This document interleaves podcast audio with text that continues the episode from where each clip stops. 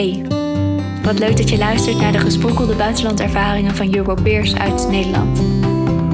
Het zijn jongeren die voor langere tijd ergens in Europa hebben gewoond, bijvoorbeeld voor Europees vrijwilligerswerk of een internationale jongerenuitwisseling. Tijdens een podcastworkshop op 9 mei 2020 schreven en werkten zij allemaal thuis aan een podcastminuutje om je mee te nemen naar een belangrijk of dierbaar moment tijdens hun buitenlandervaring.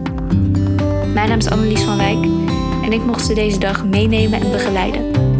Ik wens je voor nu veel luisterplezier met deze bijzondere thuis opgenomen verhalen.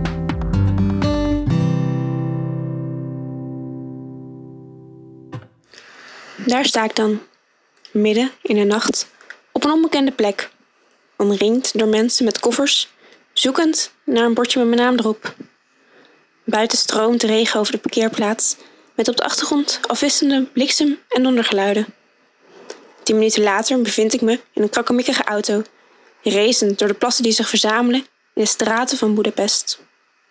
De man naast me praat over onze gedeelde verjaardagen en draait bij elk liedje de radio ietsjes harder. Langzaam beginnen mijn ogen dicht te vallen, tot de auto abrupt tot stilstand komt. Een hert, midden op de weg. Dat wordt verlicht door de felle lampen van de auto. Waar zijn we? Geen idee. Ik ben te moe om me te vragen.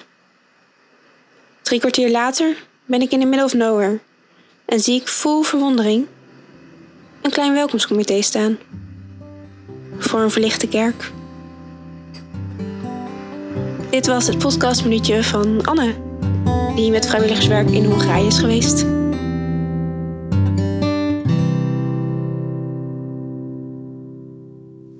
Precies op het moment dat we zover zijn om te vertrekken, ontploft Victor.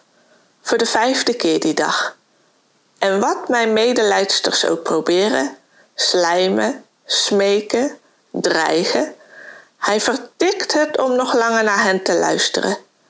De klep van zijn pet schermt zijn ogen af.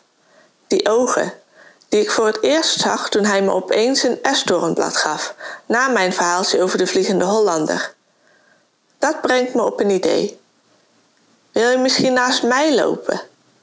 Ik loop naar hem toe, sla een arm om hem heen en samen lopen we terug naar de groep.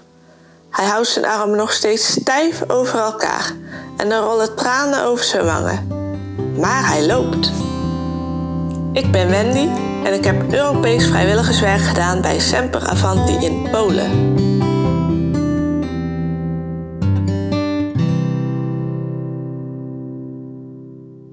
De trein komt piepend in beweging en hobbelt moeizaam het station uit, de stad uit.